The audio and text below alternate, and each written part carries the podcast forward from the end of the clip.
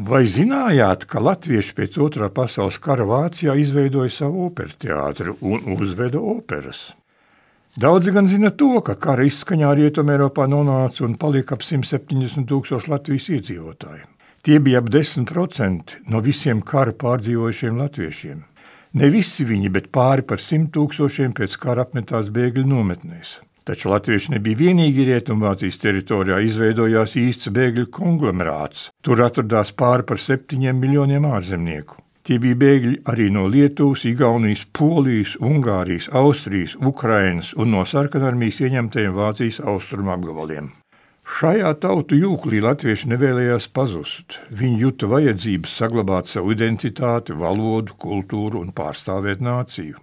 Tāpēc izvērtās visu nozaru kultūras darbs jo vairāk tādēļ, ka evakuēto latviešu vidū liels procents bija literātu, mūziķu, zinātnieku, skolotāju un citu inteliģencei piederīgo. Daudz debatēja par iespējām un par nākotni. Kādā sanāksmē diriģents Bruno Skulte, mums pazīstamā komponista Adolfs Kults brālis, izteica pārdrošu ideju. Viņa prāt, operas māksliniekiem Vācijā nepietiks ar iespēju tikai šur tur koncertēt. Vācu teātros visi darbu neatradīs un bezdarbībā profesionāli degradēsies. Tāpēc ne mazāk, ne vairāk ir jāizveido latviešu operteātris. Kā jau pie latviešiem parasts, daudz bija skeptiski, bet kā jau pie tiem pašiem latviešiem mēdz būt, vienmēr atrodas mazākums, kas nebaidās no radikāliem risinājumiem. Idejas atbalstītāji pulcējās Oldenburgā, Leissaksijas pilsētā, kas bija izraudzīta par operas vietu. Pirmais uzdevums bija grūts. Par operas teātra iespējamību un jēgu vajadzēja pārliecināt Britu militāro pārvaldi un starptautisko bēgļu organizāciju. Bet tajā bija savērvēti darbinieki no malu malām ar visai nevienādu kultūras un dzīves izpratni. Te nu neaizvietojams palīgs bija dedzīgā idejas atbalstītāja un jau Rīgā veiksmīgā operas dziedātāja Paula Brīvkalne. Viņas sniegtie priekšnesumi īpaši militāristiem un pelēkajiem ierēģiņu korpusam darīs savu. Jo kas gan vairāk var iesildīt maz izvēlīgus klausītājus kā valšķīgi operešu numuri. Tiem bija sekmes. Skaņu mākslinieku dzīvošanai un darbam tika piešķirts vairākas ēkas. Trūka gan instrumentu. Kad Bruno Skults tur rūpīgā darbā padarīja gandrīz jau lietojamu bēniņos atrastu klavieru graustu, tad britu virsnieks to pamanījis ar smaidu pavēlējis graustu apmainīt pret labu pianīnu piešķirt arī daži citi instrumenti, un koncerts turpinājušies ar jau lielāku sparu. Nepilnos divos gados pilsētā un apkaimē latvieši uzstājušies ap simts sarīkojumos. No tiem ap 75 muzikālos un 25 baleta vakaros. Bet izrāžu vajadzībām mūziķi saņēma pilsētas lielāko viesnīcu. Taču pašiem nācās sūrā darbā izbūvēt zāli, skatuvi un izrakt operai nepieciešamo orķestra bedri.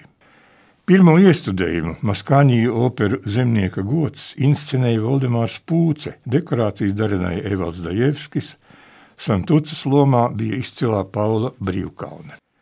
1946. gada jūnijas, kad priekškars pirmo reizi vērās Bruno Skults vadītajiem orķestram un dziedātājiem, ir bijis viens no svarīgākajiem brīžiem Vācijas latviešu bēgļu dzīvē. Pārpildītā zāle ar grūtībām spēja uzņemt vēl tos, kuri atbraukuši no 100 km attāluma. Atklāšanā piedalās Britu militārās pārvaldes virsotne, Bēgļu aprūpas direktors uzrunā Cildina paveiktos būvdarbus un baltiešu mākslas sasniegumus. Jāzeps Vītols savus uzrunas kodoli ietver vārdos.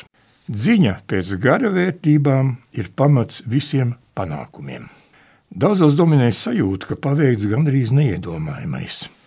Oldenburgas latviešu operas izveidē ne tikai mākslinieciskie, bet arī neskaitāmie tehniskie uzdevumi gandrīz visi tika veikti bez atlīdzības. Pirmajam uzvedumam 1946. gada vasarā bija sešas izrādes, To laikā pie teātra ēkas nebija retums vairāku desmit britu militārās pārvaldes limuzīnu. Par spīti tam, ka gaismekļi orķestra nošu pultīm bija darināti no konzervu kārbām, bet skatuves priekškaram izmantots lielgabalu maskēšanas pārklājs.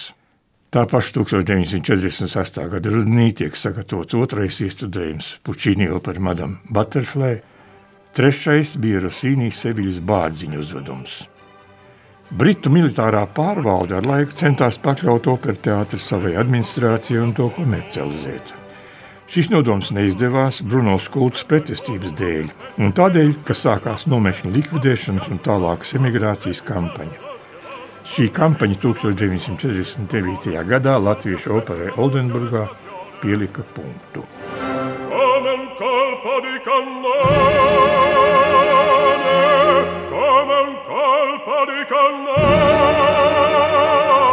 un tremoto temporale un tremoto temporale un tumulto generale che fa l'aria ricompone un tremoto temporale un tremoto temporale un tumulto generale che fa l'aria ricompone